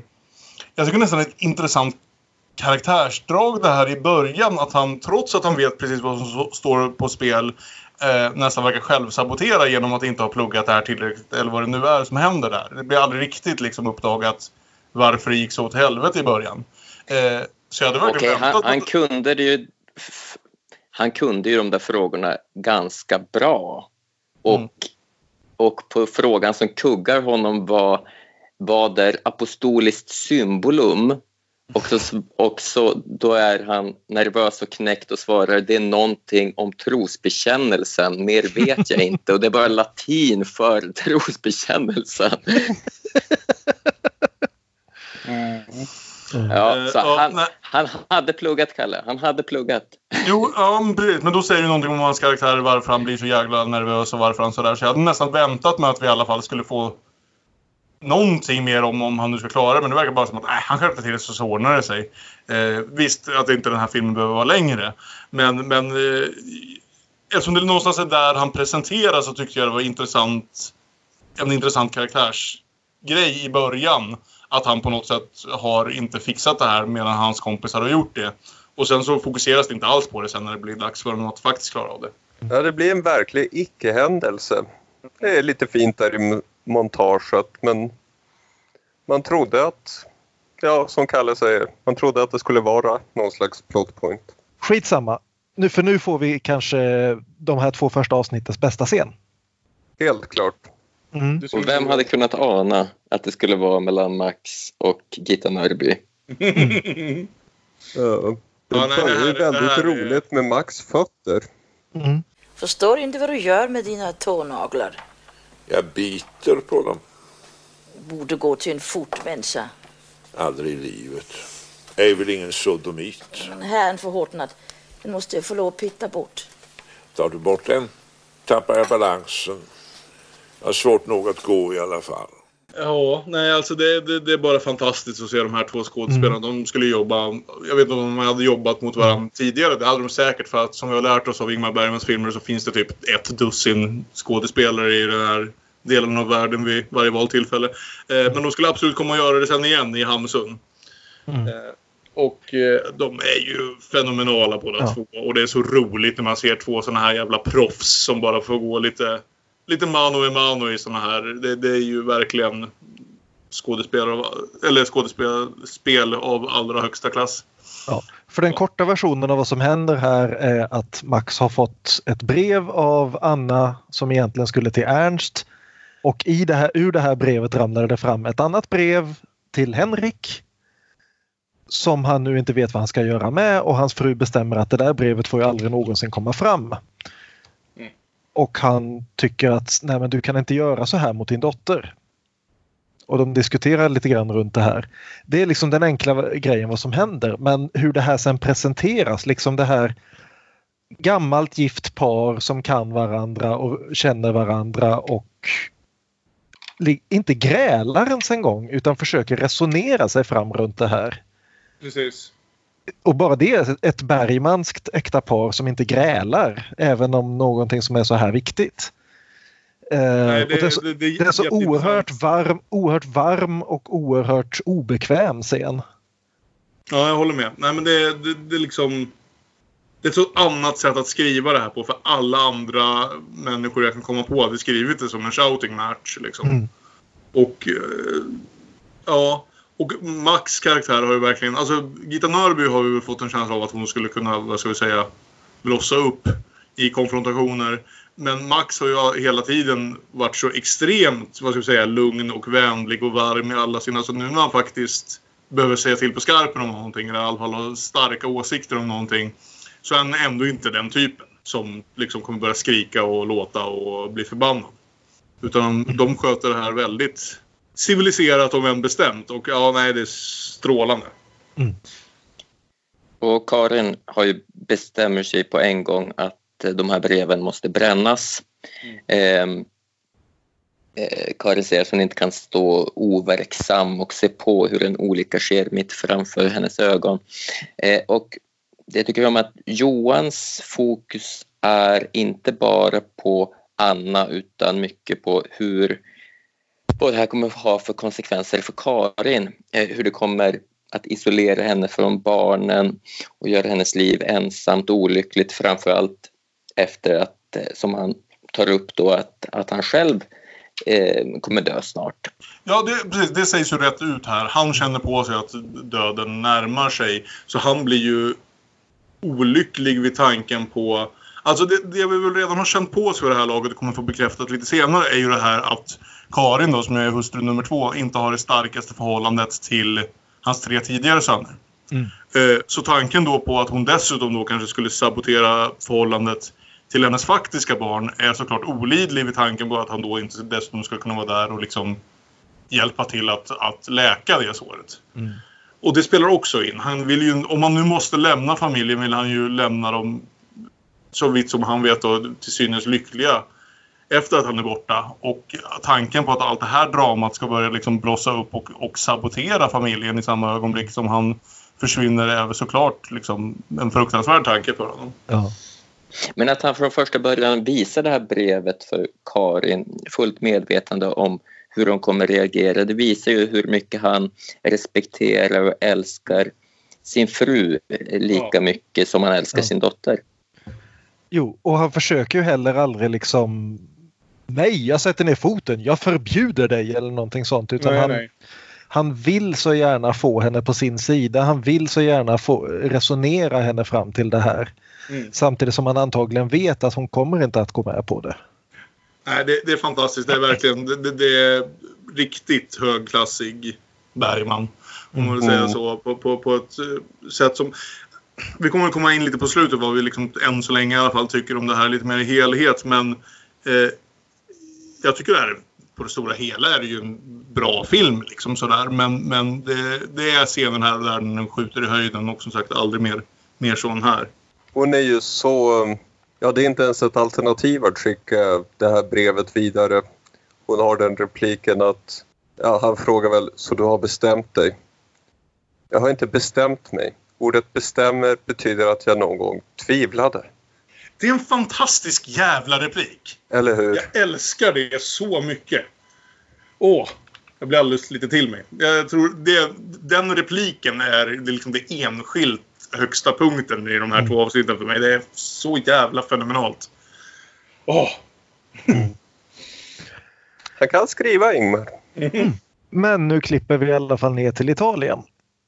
Ja, för modern har ju bestämt att jag ska hålla Anna borta. Annars kommer hon reta upp den där Henrik. Så de ska vara i Italien så länge det krävs. Men Anna vill ju hem. Och här får vi en till rolig Gitta Norrby. Mm. Vad skulle Egermans i Florens säga om vi inte kommer dit? Så fantastiskt. Gud vad jag garvar åt det här. Dessa Egermans. Som Ja. bjuder in och bjuder in och ingen kommer någonsin. Som, som gör allt för att inte behöva vara ensamma tillsammans. Hela, vi, vi, vi vet ju nu sen ur marionetternas liv vad kom hem till Egermans egentligen betyder. Nämligen att Egerman uppe på taket och kommer att hoppa om du inte kommer nu. Åh, där, står, där står en gubbe någonstans på taket på en italiensk villa och bara väntar. Ja. I, I Florens på 10-talet, i München på 70-talet och, och, ja, och, i, och i Stockholm hade Egermans i alla tider. Ja.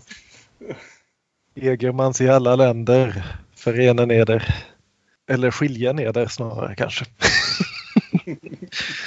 Men innan de, de hinner diskutera vidare med det här så får de ett telegram. Max är död! Och här gör ju Gitta Nörby, liksom, om vi trodde att hon hade varit bra tidigare så är hon ju fantastisk här. För vi, vi har ju också fått att förhållandet mellan de här två, det är ju väldigt stor åldersskillnad. Och vid, vid något tillfälle, i det här stora bråket hon har med Henrik så hävdar ju han att kärleken är det enda jordiska miraklet och hon svarar något sånt mirakel har jag aldrig sett. Mm. Var på hans näsa att ja, och du har inte sett Australien heller, det finns ändå. Och här får vi väl lite grann den här enorma motstridigheten i hennes känslor. Mm. Hon säger det själv liksom att hon tycker om sin make men hon tyckte framförallt synd om honom och tyckte han verkade så ensam och hon kände sig också ensam. Mm. Och liksom exakt hur den kärleken har sett ut när hon sitter där och försöker liksom hantera den här väldigt plötsliga sorgen. Och det är väldigt fint faktiskt. Och det är ju något här med det här, för nu hela första halvan av avsnitt två så har ju Anna och Henrik varit separerade från varandra och historien har varit lite uppdelade. Och märker ni hur jävla bra den här filmen är när inte Samuel Fröler är med i den? För det är ju verkligen de här scenerna som, som skiner alltså och eh, Pernilla August får gärna vara med i dem för jag vid det här laget bryr mig lite mer om hennes förhållande till hennes föräldrar. Eh, vilket ändå är ganska både dynamiskt och spännande och varmt och eh, dramatiskt. Än vad jag egentligen bryr mig om huruvida liksom Henrik och Anna får göra en liten Ingmar i slutändan. Och hon berättar då för eh, Anna också om brevet som brändes och frågar om hon någonsin kan förlåta henne. Och Anna svarar jag tror inte det. Bara en sån Total sak. kyla. Ja, fantastiskt. Och un dessutom under det här ögonblicket. Mm. Liksom, tänk er hur hård hennes reaktion hade varit om de inte hade fått beskedet om hennes pappas död för fem minuter sedan. För jag säger inte att det nödvändigtvis finns strategi i hur mamma Karin lägger upp det här. Att hon tar liksom den här punkten när hon, när hon tänker att hennes dotter borde visa henne mer sympati än någonsin. För att lägga fram, erkänna det här värsta hon har gjort mot henne. Men även då så finns det liksom ingen, ingen förlåtelse, ingen försoning. Ja, någon sån strategi finns ju inte riktigt för att det hon är nog oförberedd på sina samvetskval att hon ska erkänna det här att, att Ja. brevet brändes.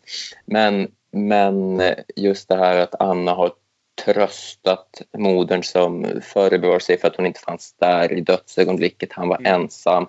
Hon har fått trösta henne och, och då när erkännandet kommer så, så slår Anna av och eh, visar ingen, ingen förlåtelse. Nej, nej, Eh, Hon berättar ju om det här brevet, ja, av respekt för sin man. Det är bandet till honom som får henne att berätta. Mm. Ja, nej, det här är verkligen också. Det har varit... Avsnitt två börjar fruktansvärt starkt alltså. Eh, Den här första halvan här är ju proppad av liksom sta- standout-scener.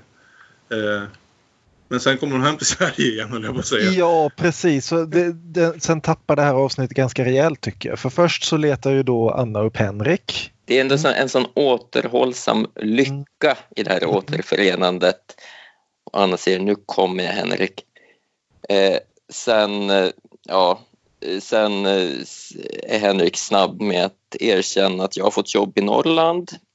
Eh, men det kan jag såklart ändra på och Anna säger kom inte på frågan, nu, nu, eh, nu förlovar, vi oss, förlovar vi oss att flytta till Norrland. Och vi ska gifta oss i, storkyr- i domkyrkan och ja, det ska vara ett stort bröllop.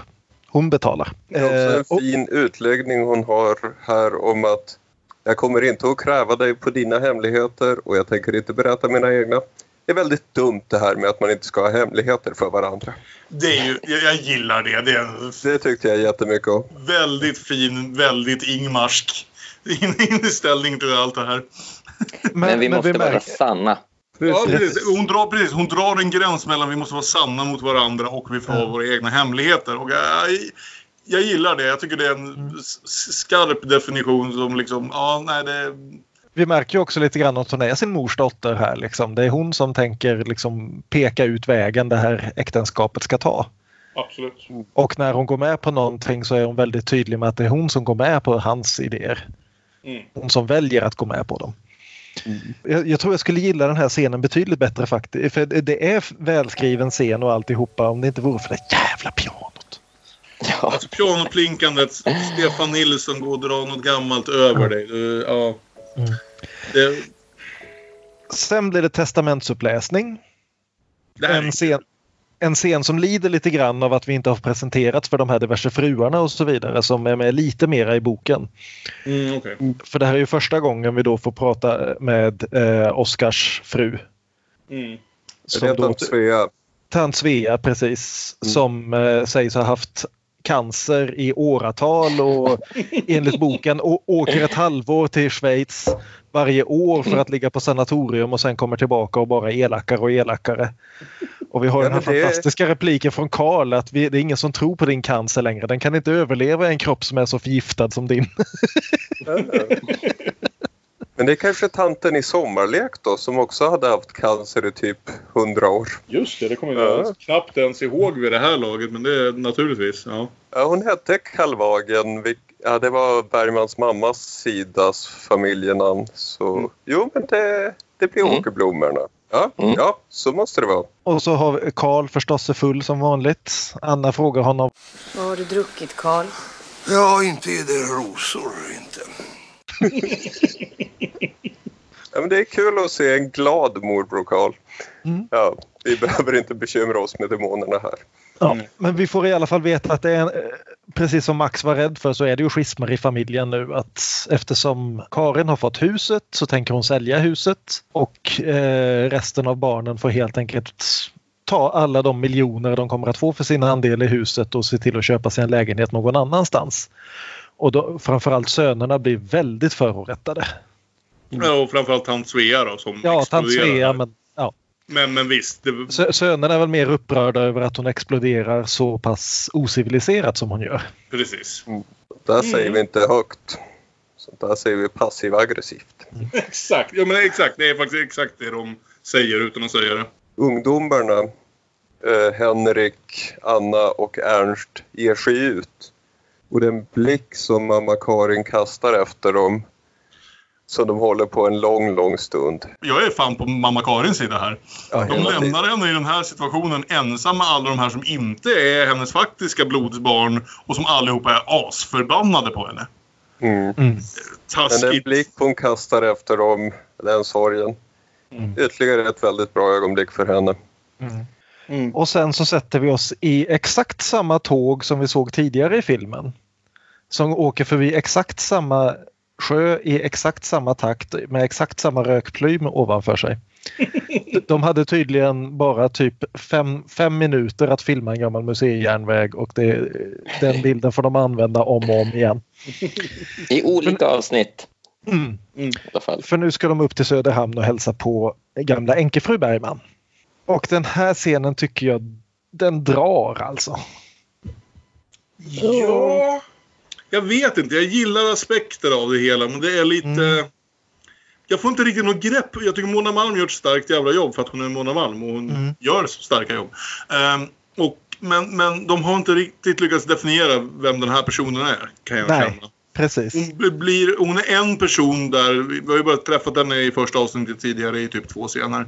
Och det, det, man får inte riktigt grepp på vad det är som händer med henne här kan jag känna. Det är inte ointressant men det är kanske mer förvirrande än gripande någonstans. Och hon är väl ganska kluven inför att hennes lille pojk, som väl har varit hela hennes liv Mm. sedan maken dog för en herrans massa år sedan, ska gå och gifta sig. Mm. Och dessutom flytta upp till, ja flytta långt inåt landet. Mm. Och hon gör sitt bästa för hon har inte ens träffat Anna innan det men hon gör sitt Mm. bästa för att försöka komma överens med henne. De spelar fyrhändigt och har lite mysigt tillsammans. Och, och, sådär. hon, och hon verkligen försöker spela bort Anna dessutom. Det är hon som hela tiden drar upp tempot tills Anna spelar fel. Det är så. Just det. Ja, jag så är inte. På Jag skoj, på hennes... skoj. Ja. Ja. Jag tänkte att hennes spoiler, hennes illvilja som kommer fram sen kom lite ur det blå för de hade haft så trevligt innan. Men Ja, den fanns tydligen där hela tiden. Jag tycker nog redan man börjar liksom nästan lukta sig lite till den där när de innan diskuterar sängplaceringar och så vidare. Och det blir helt klart att eftersom de inte faktiskt är gifta än så, så finns det ingen chans att de eh, kommer få sova i samma rum. Utan om något tänker mamma lägga sig i rummet mitt emellan som kan bevaka deras rörelser i huset. Ja, men det tänkte jag var mer standard än illvilja. Men Det är lite svårt att veta. Alltså, det är ju intressant det här att uh, unge Henrik Bergman bestämt sig för att bli präst. För man blir lite så här, det måste ju... Jag antar att det kopplar till att hans mor bör vara en religiös människa lite, på ett lite djupare plan. Men, men hon presenteras ju inte som någon religiös fanatiker på något vis eller så som hade varit en genväg till, den, till det porträttet i många andra filmer. Så, så ja, nej, men hon blir en karaktär som någonstans jag får inte ha en, än så länge ska jag säga, för jag har inte sett avsnitt 3 och 4 än, riktigt få grepp om henne. Hon är liksom, jag blir lite lätt förvirrad av henne Ja. senare. Jag har samma problem med henne i boken också så det är inte Bill Augusts fel utan det Bergman verkar lite osäker på vart han vill med sin farmor. Jag tycker det, jag tycker det ja. fungerar väldigt bra tematiskt för historien det här med att eh, de, de, Anna, Anna är perfekt och de har det jättefint men hon får en gnagande känsla, en intuition hon inte kan sätta fingret på att det här kommer gå fel. Att, att hon har exakt samma intuition som Annas mor att det här kommer leda till katastrof Mm. och ber till Gud om natten ta bort den där flickan ur Henriks liv. Ehm, och, och temat är ju att, att den här kärleken kommer leda mot olycka. Ja, det är sant. Och det bygger de ju på. Som sagt, jag vet inte riktigt vad som händer i avsnitt 3 och 4. Men, men jag tänker att bara av den anledningen att det finns två avsnitt till så är det såklart att det inte kommer vara liksom någon dans på rosor härifrån. Utan jag gissar att det är däråt det barkar liksom. Och visst, sett så. Som att de båda två har någon slags... Båda mammorna känner sina barn så pass väl att de direkt ser att det här är liksom... Ja. Fara och färde. Visst, men ja. Nej, jag Men- vet men- inte riktigt varför. Ja. Men också apropå temat där så pass, när hon ber det här till Gud så ber hon ju också om förlåtelse för att hon tycker det här. Mm. och ber Gud att om jag har fel, straffa mig, straffa inte dem. Vilket Ja, för det här med förlåtelse är ju återkommande hela tiden. Det här är ju liksom Bergmans stora förlåtelse av sin far. Mm. Och därigenom av sig själv antagligen. Men för att återknyta till vad Staffan sa i början där. Men, eh, och den enda som aldrig egentligen ber om ursäkt för någonting är ju Henrik Bergman. Nej, det kommer ju förbi en eh, vän till farfarn och han återberättar prologen Mm. i ännu hårdare termer den här gången. Nej, han gick inte på farmors begravning. Eh, Och jag ska säga så här, vännen spelas av Ernst Günther och jag älskar Ernst Günther. Det är kul att äntligen få se honom faktiskt göra något i en av de här filmerna efter att han satt och sov i publiken under Fanny Alexander och aldrig sa någonting. Eh, Just ja. ja. Men det är en klumpig jävla scen. Ja, Det är en sån det är det. typisk så här bara, här kommer någon in från ingenstans och vet alla de jobbiga hemligheterna. Och tänker berätta dem för att, trots att en person som ingen känner och ingen vet riktigt, eller ja, ingen känner, hans mamma känner honom. Men, men, det är inte karaktär vi har presenterats för. Utan en karaktär som kommer in och vet skeletten i garderoben och bestämmer sig för att bara lassa ut dem helt plö- plötsligt på en person han knappt känner. Och, nej, det, det, det, är kanske den klumpigast, liksom, re- klumpigaste rent strukturerade scenen. Även om jag tycker att Ernst Günther gör det han kan för att sälja den.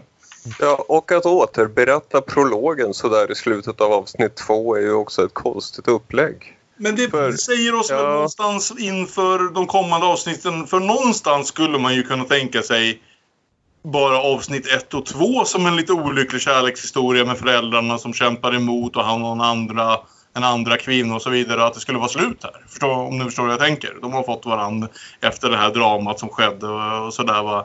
Det här skulle vara en liten, fin liten två timmars film i sig självt. Så någonstans med tanke på att vi bara är halvvägs igenom det här så måste vi börja se vad fan ska det handla om härifrån då? Ja, men sen morgonen efter så eh, ska de resa vidare och eh, mamma Bergman halar fram ett halsband som hennes make gav henne på deras bröllop. Och här fick jag världens flashback när hon står där och har så mycket dubbla känslor mot och att det är just eh, Mona Malm och Pernilla August. Så jag bara väntar mig att den här lavetten från Fanny och Alexander skulle komma tillbaka. Ja. Det är typ exakt samma scen som i Fanny och Alexander där hon ger henne en fin sak och sen direkt lavat, lavat, eh, det, ger henne en örfil för att hon har så mycket dubbla känslor gentemot den här flickan som står framför henne. Så de spelar ungefär samma förhållande någonstans. Inte riktigt lika men, men att Mona Malm spelar en karaktär som egentligen har en massa agg, hyser en massa agg gentemot den här personen som står framför henne men inte borde visa det öppet liksom. Och, och inte kan låta bli att visa det öppet. Nej. Utan för, försöker liksom spela upp replikerna som om det var ett hjärtligt förhållande mellan två människor som nu ska bli familj. Men Mm. verkligen gör så jävla tydligt hur mycket hon avskyr detta. Det här är så här, hela den här sekvensen med Mona Malm här känner jag. Det är så pass välspelat men förvirrande skrivet plus den här Mm. klumpiga Ernst Günther-karaktären. Att det känns som en sån sak som jag kanske med lite mer perspektiv och efter att ha sett avsnitt 3 och 4 kommer tänka om på lite grann och kanske tycka kännas lite bättre i efterhand. Men just nu när avsnitt 2 slutar känner jag mig lite mer förvirrad och lite mer fundersam på va- vart, va- va- vart den här historien är på väg någonstans. För jag vet ärligt talat inte. Jag antar Jag att gissar att de kommer att få en liten Ingmar. Exakt, precis. Det är ungefär så mycket jag känner att jag vet också. Där är ju avsnitt två slut också. Så om vi tar det i sin helhet, tycker ni kanske... Alltså Staffan har ju redan pratat om att han är för, väldigt förtjust i den här, att det är därför du ville vara med och prata om den såklart. För oss andra som jag har sett så jävla mycket Ingmar i år. Eh, hur står den här sig tycker ni? Tycker ni om den som en helhet eller hur känns den liksom? Ja, det är ju de här scenerna med bifigurerna som vi har höjt till skyarna. Och sen den centrala kärlekshistorien. Ja, än så länge har den väl inte riktigt tagit tag i mig. Det finns ett par fina scener här och där tycker jag. Men det, det är oftast också relaterat till vad ska vi säga, den konflikten som kommer utifrån. Som kommer från mamman eller den här scenen eh, mellan Lena Endre och Pernilla August som jag tycker fungerar bra. Att, eh, så någonstans leder det mig tillbaka till att jag tror att Henrik Bergman som spelade Samuel Fröre är lite, är lite oengagerande. Jag vet inte riktigt. Nej, jag, jag måste säga att jag tyckte det funkade bättre i boken. Och då är ju boken inte något litterärt mästerverk som sagt. Men att vi får lite mera inblick i denne tyste Henrik Bergman och Mm. vad han tänker och vad han tycker och vad han anser om världen och hur han känner och så vidare. Medan här så krävs att allt det ska göras med Samuel Frölers ansiktsmuskler. Och det händer liksom inte. Det är den där mustaschen som sitter där som ska bära filmen. Ja, precis. Nej, exakt. Jag var nästan så jag satt ibland och kastade om den i mitt huvud och funderade på vid samma tidpunkt liksom om vi hade några, några svenska unga skådespelare som hade hanterat det här. Mm. Och, och då Ja, gör vad han som sagt på? inget, han gör som sagt inget dåligt jobb men eh, Han underspelar det lite för mycket. Ja, jag tror han precis. underspelar det för att han tror att det ska vara subtilitet men det blir lite trist. Ja. Han blir lite okarismatisk. kom du på någon casting då som Nej, men vem skulle inte vilja se Torsten Flinks Den goda viljan? Robert Gustafsson kanske? Oh, Johan Ulveson.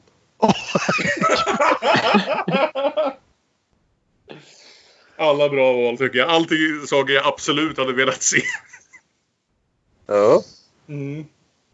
Nej, men det är klart att man inte, inte kan eh, sätta den här i samma liga som, som Fanny och Alexander. Och det blir, den, den blir ju väldigt blek i den jämförelsen på, jämförelsen på alla punkter. Men, eh, men det är ju väldigt det blir väldigt mysigt det här långdragna formatet och den här ensemblen som, som präglar del, del ett och två. Det är ju ett eh, sant nöje tycker jag. Jag skulle säga att ungefär 50 procent av Den goda viljan än så länge har varit alldeles fantastisk. Det är bara det att det är alla som sagt de scenerna som, som inte har sin huvudperson i sig. För bara och avsnitt två, framförallt den första halvan av avsnitt två, tänkte jag att nu kanske det här verkligen lyfter. För alla de här Gita Nörby-scenerna, eh, oavsett vem hon spelar mot egentligen, eh, är ju fenomenala alltså. Det är hur bra som helst ett tag där. Eh, så, så det är lite synd, den hittar liksom inte riktigt sitt centrum på något sätt kan jag känna. Mm. Och Björn säger att familjen Bergman är mindre intressant. Den här första scenen eh, när de ska ta pengar av fastrarna är ju Ja. också mästerlig. Så, men det är ju också deras höjdpunkt. Sen så är det lite... Nej. Eh. Man hade ju nästan velat att alltihopa skulle bli en enda stor heistfilm där Samuel Fröler och Mona Malm åker land och rike runt och försöker svindla gamla fastrar. Den hade jag också kollat på. Ja, definitivt. Ge dem en Netflix-serie. Ta in liksom alla gamla Bergman-skådisar som börjar komma upp i fa- farmors eller ogift fasteråldern och lå- låter dem få varsitt avsnitt. Låter strålande. Jag Denna vecka blåser vi Gunnel Lindblom. Säsongsfinal, vi blåser Liv Ullman. Komplett med spionmusik och fyrdelade bilder och alltihopa. Absolut. Mm. Inte ett pianoplink så långt ögat kan nå. Nej, det är det jävla pianoplinkandet ändå. Alltså, Mm. Vad fan är det som pågår? Skriv mer än en melodi om du ska liksom göra musik till en sex timmars film. För i helvete. Ja. Nog om det. Uh, ja, men jättekul. Om ingen har något mer så tycker jag väl att vi avslutar vår diskussion om avsnitt 1 och 2 om den goda viljan. Och så kommer vi tillbaka nästa vecka och pratar om avsnitt 3 och 4. Jag måste väl bara inflika att för alla oss som älskar Gitta Nörby och Ernst-Hugo så är det ju bara två år bort innan Riket kommer. Just ja. Så sant. Gud vad länge sedan var jag såg Riket. Åh, vad jag älskar det här Riket när jag såg den. Ja, med det sagt så knyter vi upp säcken för den här veckan. Eh, ni kan nå oss via sociala medier. Vi är Damonpodden på Instagram och Twitter. Vi är Demonpodden med Ä på Facebook. Man kan mejla damonpodden gmail.com. Vi har nu i dags dato fått två mejl. Så det går, tickar stadigt uppåt. Och ja, vi hoppas ni vill hänga med oss och lyssna på våra tankar om hur den goda viljan avslutas nästa vecka. Tack för oss så länge eh, och jag antar Aron att det blir någon slags liknande variant som det var tidigare när vi har haft de här tvådelade avsnitten med musiken. Att du har hittat ett sätt att ta ett tema i Ja. olika varianter. Inget jävla pianoklink, snälla. Nej, jag tror vi är mätta på det. Ja, Jag håller mig borta från pianot. Låter toppen nu. Ha det så bra tills vidare så hörs vi. Hej då! Hej då! Hej då. Jag, jag höll på att brista ut i skratt när, du, när jag trodde att du skulle säga allt jag lärt mig om tuberkulos har jag lärt mig i Davos. Ja, jag kom på sen att jag borde ha rimmat. Allt jag lärt mig om tuberkulos Det har jag lärt mig i Davos allt jag lärt mig om typ tuberkulos Det har jag lärt mig i Davos. Allt jag lärt mig om typ tuberkulos det har jag lärt mig i Davos. Allt jag lärt mig om tuberkulos, det har jag lärt